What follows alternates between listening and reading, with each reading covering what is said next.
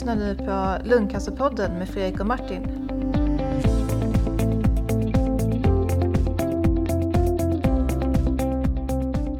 Hej och välkomna till Lungcancerpodden. Ja, ny vecka eller eh, ja, och nytt avsnitt helt enkelt. Eh, med mig som vanligt har jag eh, lungläkare Martin Sandelin. Tja Martin! Halloj! Hur är läget? Jo men tack det är bra. Ja, härligt. Ja. Du håller på med, med hjärnan nu också. Ja just det, jag har halkat in på, på CNS också. Eh, Mm. Hjärntumörer. Ja, Eh, jättespännande, fantastiskt spännande. Jag tror att eh, ja, det det, kan nog vara en bra kombination. ja alltså, det, är det nog på många sätt. Alltså, jag, jag tror att erfarenheterna som man har med sig från, eh, från lungcancerområdet med eh, alltså, svåra diagnoser, många svåra diagnossamtal, Mm. eh, ganska så motigt vad det gäller medicinutveckling och så vidare initialt i alla fall. Det, Mm. det känner man igen på, på hjärntumörområdet. Men jag tror att precis som lungcancerområdet så tror jag hjärntumörområdet är på väg att nu liksom komma in i en, i en ny era där det kommer hända mera. Så att det kommer Mm. nog bli väldigt spännande kommande år tror jag. Ännu mer Mm. spännande än vad det är. Så jag försöker lära mig allt vad jag kan nu. Jag liksom suger upp eh, kunskap från alla, alla håll och kanter. Det är det som heter CNS, va? eller CSN. CSN är det här studielånsföretaget. Det är inte helt lätt att hålla reda på. Eh, Men, men där där, kan man låna pengar när man pluggar. Eh, Medan CNS är centrala nervsystemet. Okej, Eh, Så, så CNS är det som, där, där man får tumörer. ja, okej. Eh, något sätt. Ja, det låter inte helt ovanligt att de där blandas ihop eller att man säger fel. Nej, precis. Det, det, det är lätt hänt. Det beror på vilken fas man är i livet. Om man har mycket att göra med CSN så, så, så är det lätt hänt att man liksom blandar in det istället. Nu så var det ett tag sedan jag hade med dem att göra senast. Eller jag har mina avbetalningar på autogiro så jag försöker att inte titta på dem. Okej, okej. Bäst att bara försöka förtrycka, förtränga det där. Ja, ja, precis. Ja.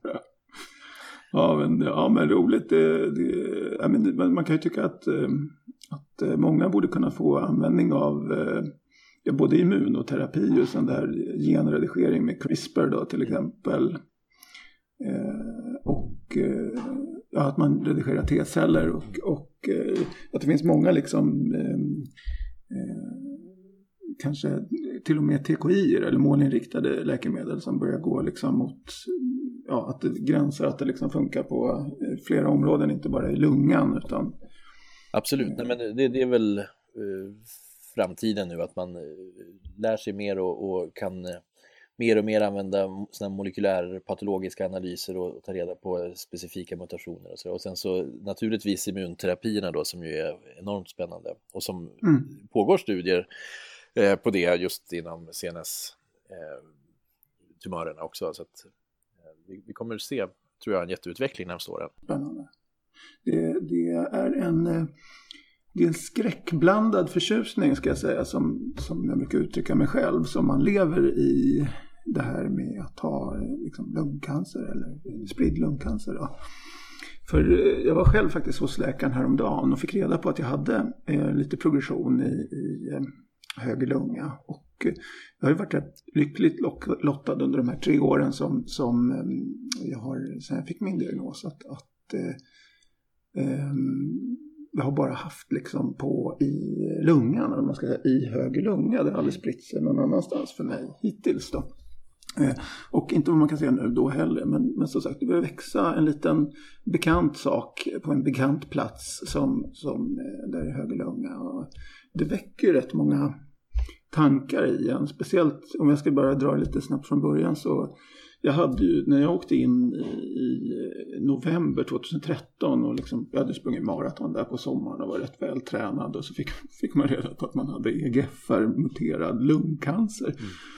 Eh, då var ju den tumören, ja, det var två gånger tre centimeter och satt mitt i, i lungan. Det var liksom den största jag hade.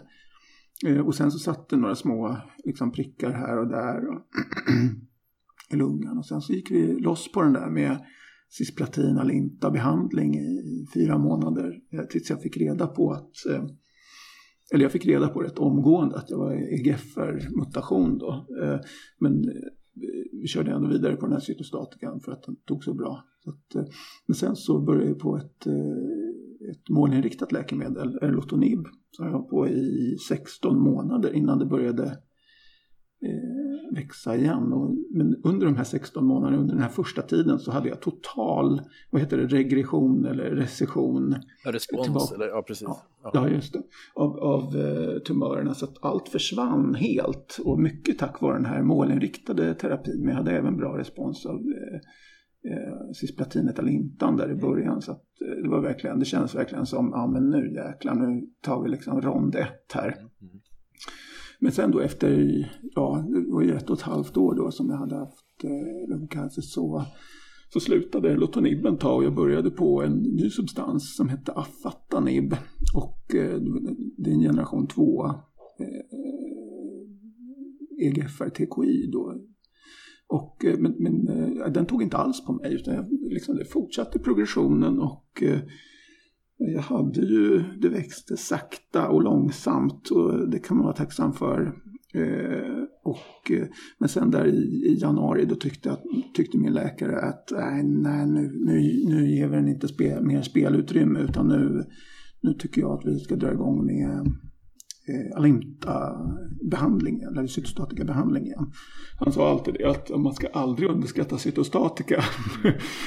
och det ligger faktiskt någonting i det för att eh, jag började på karboplatin, Alimta, man får ju alltid fyra, eller vad jag förstår då, fyra liksom, eh, tre eller fyra start block med liksom kombinationsbehandling. Är det inte så? Jo, i, allra flesta fallen så är det så. Man kan ibland mm. ge kanske upp till sex. Det beror, ja. Ah, okay. Men fyra är standard kan man säga.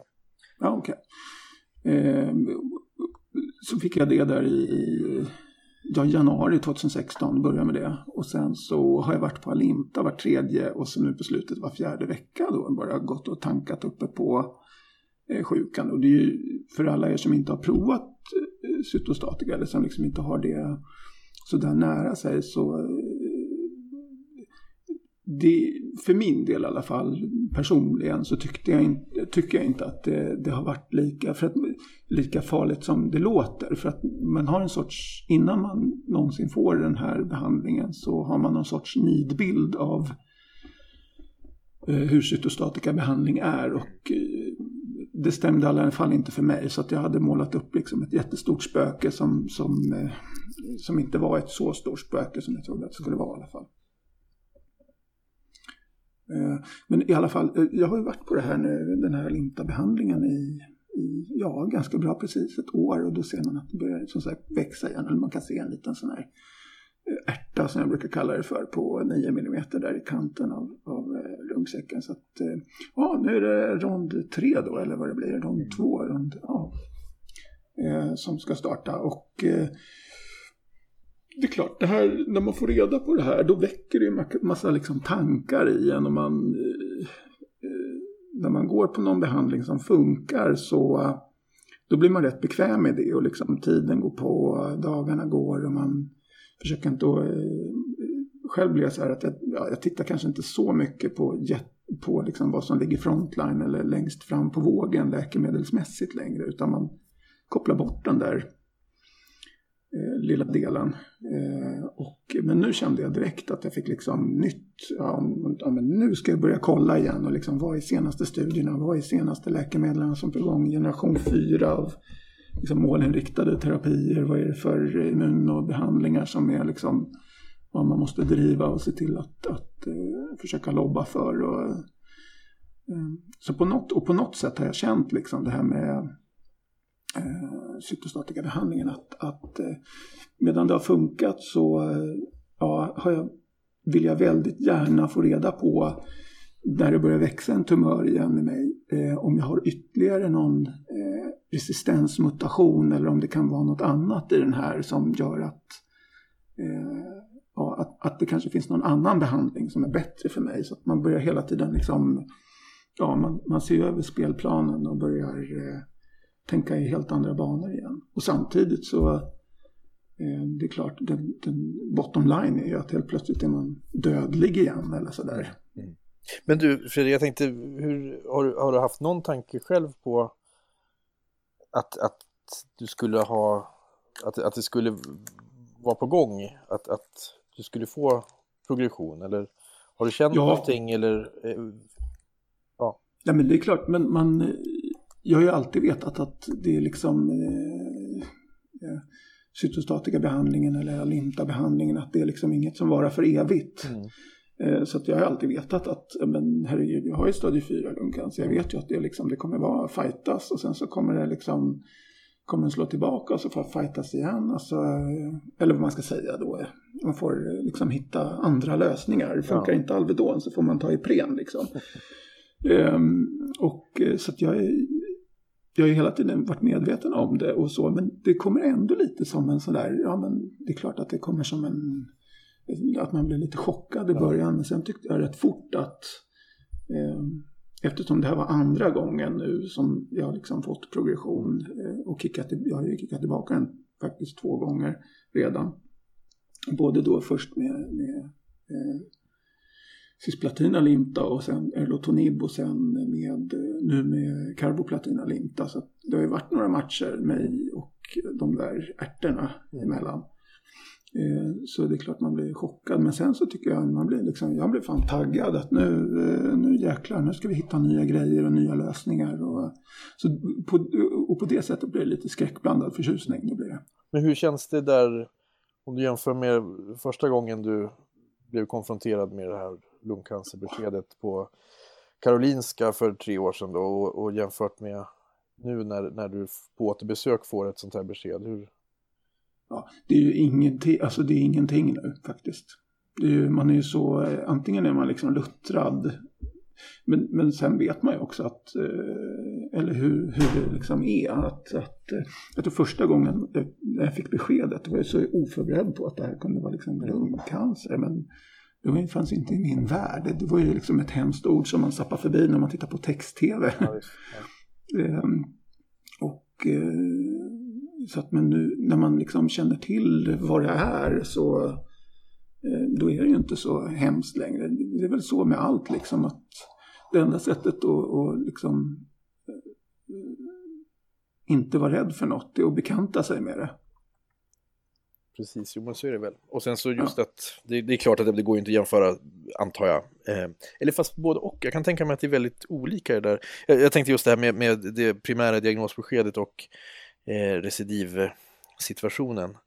Mm. Eh, för det är klart att man hinner ju tänka en väldig massa under den, de tre åren som har gått nu där, där du har haft fantastisk framgång i, i de här behandlingarna. Men, men samtidigt så blir det ju också så att man hinner, ja, man hinner läsa på och hinner känna in och, och hinner tänka på nya saker kanske som, eh, som, som kan dyka upp i samband med att man då faktiskt får ett sånt här besked att nu, nu har det rört på sig.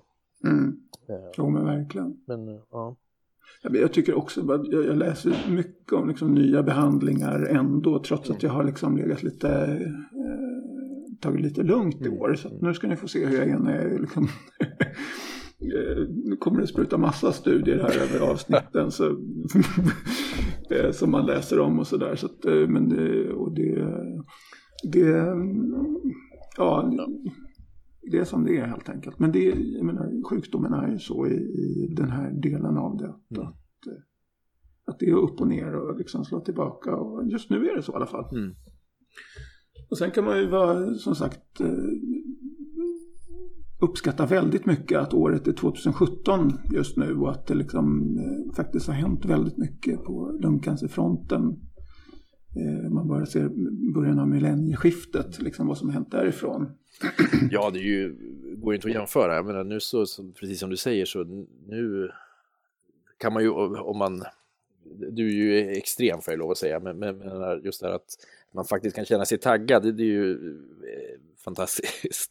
Jo, Eh, men, men jag förstår, det är naturligtvis väldigt många olika känslor, men, men nu är det ju bara att, okej nu är det, ska man upp till bevis här och göra, jag menar, vi har ju hållit på och diskutera om alla olika saker som man kan testa för och, och analysera och, och gå in och sådär, Mm. försöka påverka och, och eh, det är ju det som man får göra i den här situationen och, och liksom ja. hitta liksom, okej nu ska vi kartlägga och sen ska vi se hur ser spelplanen ut Mm. efter det här så att säga och så går man vidare.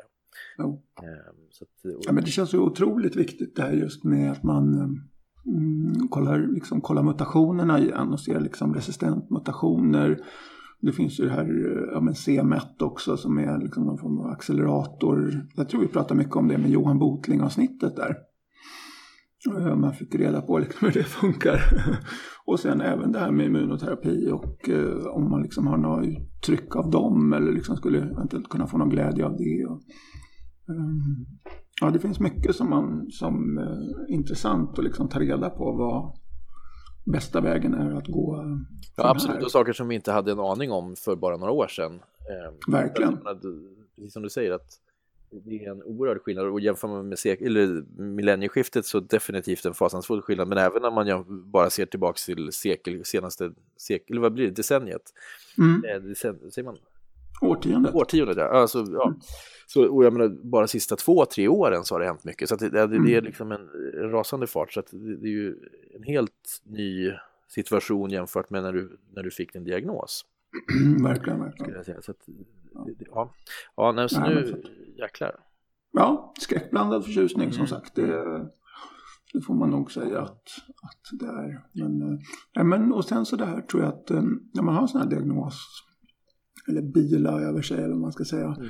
så äh, helt plötsligt kommer man på hur man liksom uppskattar tiden. Och hur lång en vecka är egentligen, hur lång en månad är. Mm.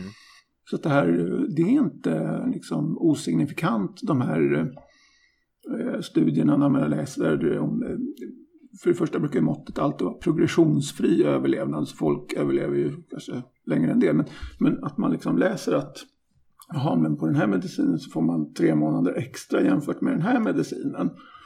Att det liksom, det har ju faktiskt, det spelar roll för att liksom, ja, tiden är ju egentligen bara det är bara ett långt snöre men det är viktigare att liksom göra mycket om man har ett, ja, på den tiden man har. Liksom, att, att man inte bara sitter och ja, slösar bort den på Ja, nej, men visst, och det där är ju någonting som är, alltså, för man kan väl säga att många av besluten och många av beräkningarna och så vidare tas ju av människor som inte har bilen över sig på samma sätt om du förstår mm. vad jag menar. Eh, och där kan ju två månader kanske då tycka som ja, relativt bagatellartat eh, mm. i, i, en, i ett större perspektiv där, där massor av eh, resurser ska fördelas hit och dit och sådär.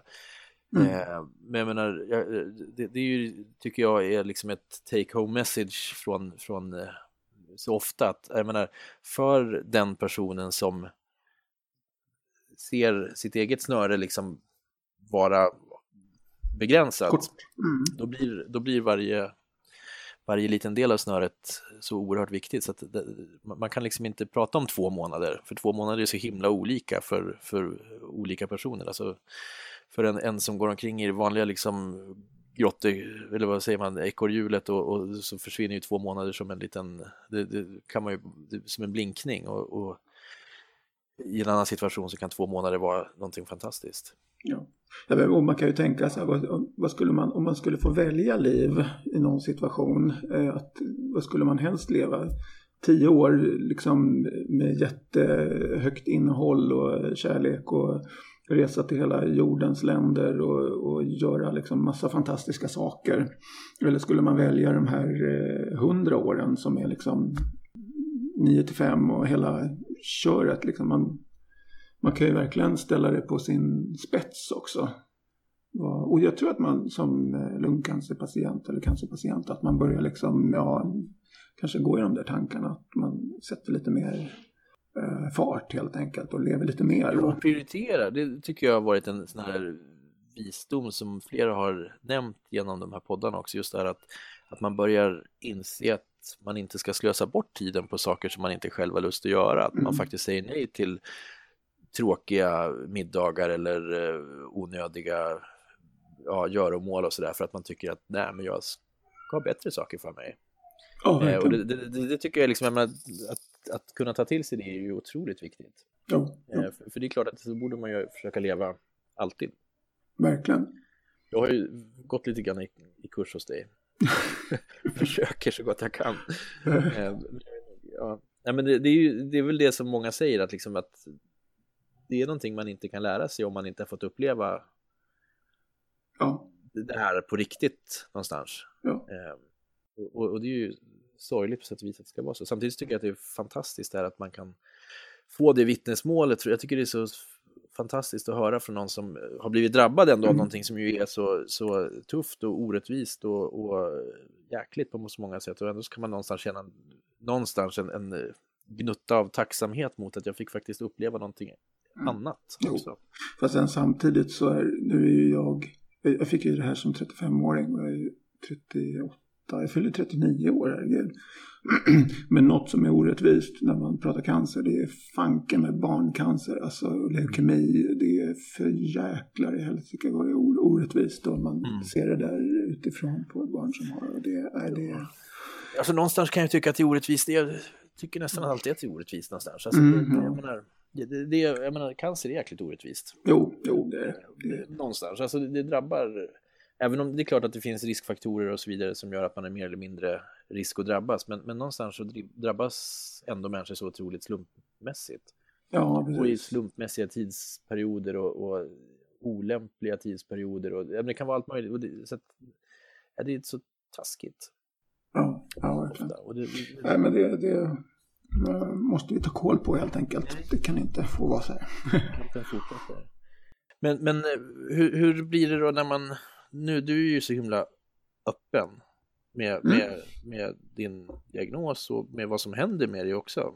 Eh, ja, som nu till exempel. Hur, ja. hur, hur, upplever du det? Alltså, för det, det, är ju många som är väldigt oroliga för att bli konstigt bemötta eller att, ja, okay. att eh, ja, man vill inte liksom att folk ska tänka på en som en cancerpatient eller så. Ja, okej. Okay. Ja, jag vet inte. Jag, jag, jag tyckte det där eh, det var nog fan jobbigast i början, liksom det där eh, Fredrik med lungcancer mm. eller liksom det. Eh, men, men, nu tror jag liksom när jag kom in i min, min arbetsroll så starkt igen, liksom jag håller på med, jag, har, jag är datakonsult, mm. Håller på hårt med det och bygger, bygger webbsajter stora enterprise-plattformar och massa häftiga appar och sånt där.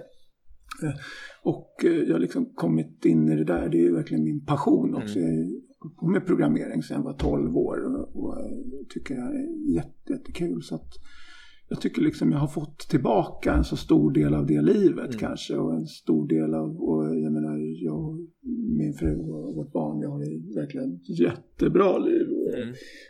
Bor liksom eh, centralt i Lund. Ja men allt det man vill liksom. Mm. Så att, jag tycker liksom att eh, jag, visst, jag, jag, eh, jag är, finns, det finns ju den här nu nya liksom personen Fredrik med lungcancer men, men eh, eh, han är inte en lika stor, eh, jag kan liksom ändå separera på honom och den jag egentligen mm. liksom, min passionerade jag. Mm, ja. Och jag tycker att den här Fredrik med lungcancer, han kanske kan eh, försöka att liksom bidra så mycket som möjligt i Lungcancerföreningen och i podden och liksom eh, om man är ute och snackar och, och, och sådär att, att eh, ja, dela med mig av det här på något sätt då som kanske kan hjälpa någon annan. Och det är ju fantastiskt också att andra som är med i just podden liksom är med i podden och delar med sig både läkare och, och patienter att vi liksom får eh, Eh, jag tror att det, är otroligt, det har varit otroligt värdefullt för mig. Eh, och liksom hänga med dig och snacka om allt det här och, och, och sådär också. Så att det är verkligen... Detsamma ska jag säga. Jag lär mig enormt mycket tycker jag. Det är mm. oerhört, oerhört eh, lärorikt att få, få, få, få den här ingången i ett samtal. Eh, mm. Som man ju inte har riktigt i den professionella relationen man har med, med sina patienter alla gånger. Man kan liksom inte riktigt ja, vända och vrida på sakerna på samma sätt. Men eh, jag tänkte, för det är ju någonting som jag ändå tänker på, just, det, det är ju ett reellt problem för många. Hur ska man förhålla sig till det här med att informera dels anhöriga och när går gränsen gentemot det, liksom, mm. ja, make, maka såklart, barnen visst, det borde jag också göra naturligtvis, eh, mm. bästa mm. kompisen, arbetskamrater. Och sen så är det ju som, det är som att skala en lök på något sätt. Eh, att det finns lager av, av eh, hur, hur, nära man, man vill och blotta sig och sådär. Eh, men samtidigt kan jag känna någonstans att de här personerna som, som du till exempel och de andra som vi har pratat med i de här poddarna och så, som, som har valt att vara komplett öppna och, och bara vara så här, ja, jag har fått det här och liksom mm. det som det är och, och, nu gör jag mitt absolut, jag menar, nu, nu, jag, jag är är den jag är, men tyvärr så har jag dessutom då fått en, en, en cancer på toppen. Liksom. Mm. Eh, känns ju som att det finns en väldig, alltså genom att, att öppna sig mycket så känns det som att det finns en väldig avdramatisering någonstans i det också. Mm. Kan det vara så? Jo, jag tror det och vi måste ju liksom jobba på att få bort stigmat också kring, eh, kring lungcancer. Men sen, ja, men som du säger där, hur mycket delar man med sig? Och jag har ju valt att att främst prata eh, liksom för eh, vad ska man säga, industrin eller för läkare och sånt mm. när jag går ut och, och, och pratar på scen och sånt. Mm. Eller ja, läkarstudent jag tyckte jag var jätteroligt att prata för. Och inte så mycket liksom eh, publik-tv. Men det, det har, jag tror att det är en annan botten liksom. Att jag inte riktigt gillar journalister kanske. Jag vet inte.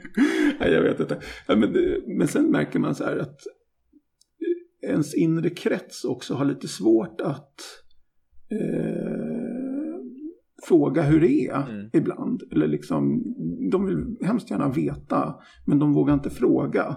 Och själv som patient, eller som drabbad av det här, så vill man inte berätta för jag vill inte lasta dem med liksom att hej, nu har jag fått progression. liksom. Det är ju inte heller, alltså man vet att folk som tycker om en att, att de tycker att det är jobbigt att höra. Så vad, ja, det blir som något två, liksom, ja, det är lite svårt att prata om. Det. Ja. Och från båda hållen såklart. Mm. Eh, jag, jag, kan tänka mig det, att, att det är ett eh, och där kan det också vara så att just den här öppenheten som, som du har valt då kan vara ja, då blir det ju som någonstans, det, det, det kommer ut och det är liksom, det är inte så det blir inte så stigmatiserat, det blir inte så, så, så svårt att fråga heller antar jag. Även, även om det är klart att det, det känner man att man vill ju inte i, i en relation alltid hålla på och tjata om en, en specifik eh, sak, utan man, lite grann så känner man väl att det är upp till vederbörande att ta upp det om det finns behov av det. För i övrigt så är och, sen så, och det är också så mycket för att du till exempel är så extremt lite lungcancer. Fredrik, du är ju otroligt, när, när, när, när vi inte spelar in podden, för då är det väl, har du ju lite det, den expertisen kan man väl säga, men, men, men i övrigt så är du ju som så galet aktiv i allt möjligt sådär, så att ja. det, det, blir ju som en sån relativt liten del av din person så att säga.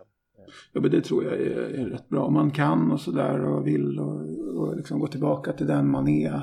Och, och liksom, för att ändå behandling och sånt där det är viktigt att man får rätt behandling och rätt diagnos. Och, men att, man, att det, är, det är ju till för att man ska fortsätta leva och fortsätta vara där man var innan. Inte liksom gå in i en tunnel. Och, även om det kanske kan vara nödvändigt ibland. Men, men, att man fortsätter och lever och är, liksom fortsätter. Ja.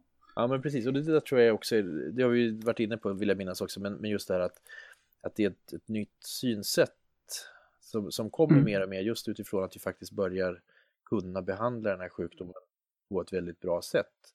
Att, att man inte att man måste börja eh, lyfta blicken både från oss inom, inom läkarkåren då att och att det här är inte så att man, man, man kan gå tillbaka och jobba, vissa. De som mm. har god effekt av sin behandling, där, är det ju absolut, det kan absolut vara ett mål att man ska komma tillbaka till yrkeslivet som mm. lungcancerpatient. Och, och för, för tio år sedan fanns det nästan inte för en, en patient som hade en, en avancerad sjukdom. Eh, och det tror jag, det ingår ju just det här att, att man ska, och, och, att man ska optimera förutsättningarna för, för eh, alltså det man kallar för quality of life på olika sätt, just att kunna komma tillbaka till cancerrehabiliteringen och den här biten. Så att det är inte bara att, målet är inte längre bara att hålla någon vid liv, utan målet är ju att återbörda det gamla livet. Mm. Eh, när, när vi kommit dit då har vi ju gjort, då har det ju verkligen börjat hända riktigt mycket och, och någonstans börjar vi nosa på det nu. För, för de patienterna som har vissa av de här eh, prognostiska faktorer, eller prediktiva faktorerna, alltså EGFR-mutation, ALK-translokation, eh, mm. höga PD1-uttryck, eller PDL1-uttryck och så vidare. Ja, eh, så att, ja det, och det känns ju som det verkligen, eh, ja det, det händer mer och mer varje år. Eh, så fort man ser något nytt, det är så jäkla spännande som till exempel det här, vi pratade för några avsnitt om den här CRISPR. Mm. Eh, Genmodifiering. gen, ja just det, man kan liksom gå in och redigera då i DNA-strängarna vad, eh, vad cellerna ska göra helt enkelt. Visst, och det är någonting som låter, när man pratar om det nu så låter det eh, experimentellt och så vidare. Men, men Mm. som du sa där, så, så det börjar ju liksom nu så börjar publikationerna komma och då är det oftast inte så lång tid fram till att det här faktiskt är någonting som vi pratar om på varenda kongress och som, som är på gång in liksom på flera diagnosområden och, och som, alltså det, det kan bara börja spruta ut spännande saker trots att det så att säga låter som att oj gud, det där är ju science fiction. just det, just det. Ehm, Ja, men, och jag, tyckte, jag tyckte immunoterapi, det slog, eller det kom in väldigt fort i Sverige. Det var nästan bara sådär, "Hö? jaha, så var det igång. Ja, visst, och det, Och det, såg- vi ser det bara början. Det, det är ju, Ja, just det.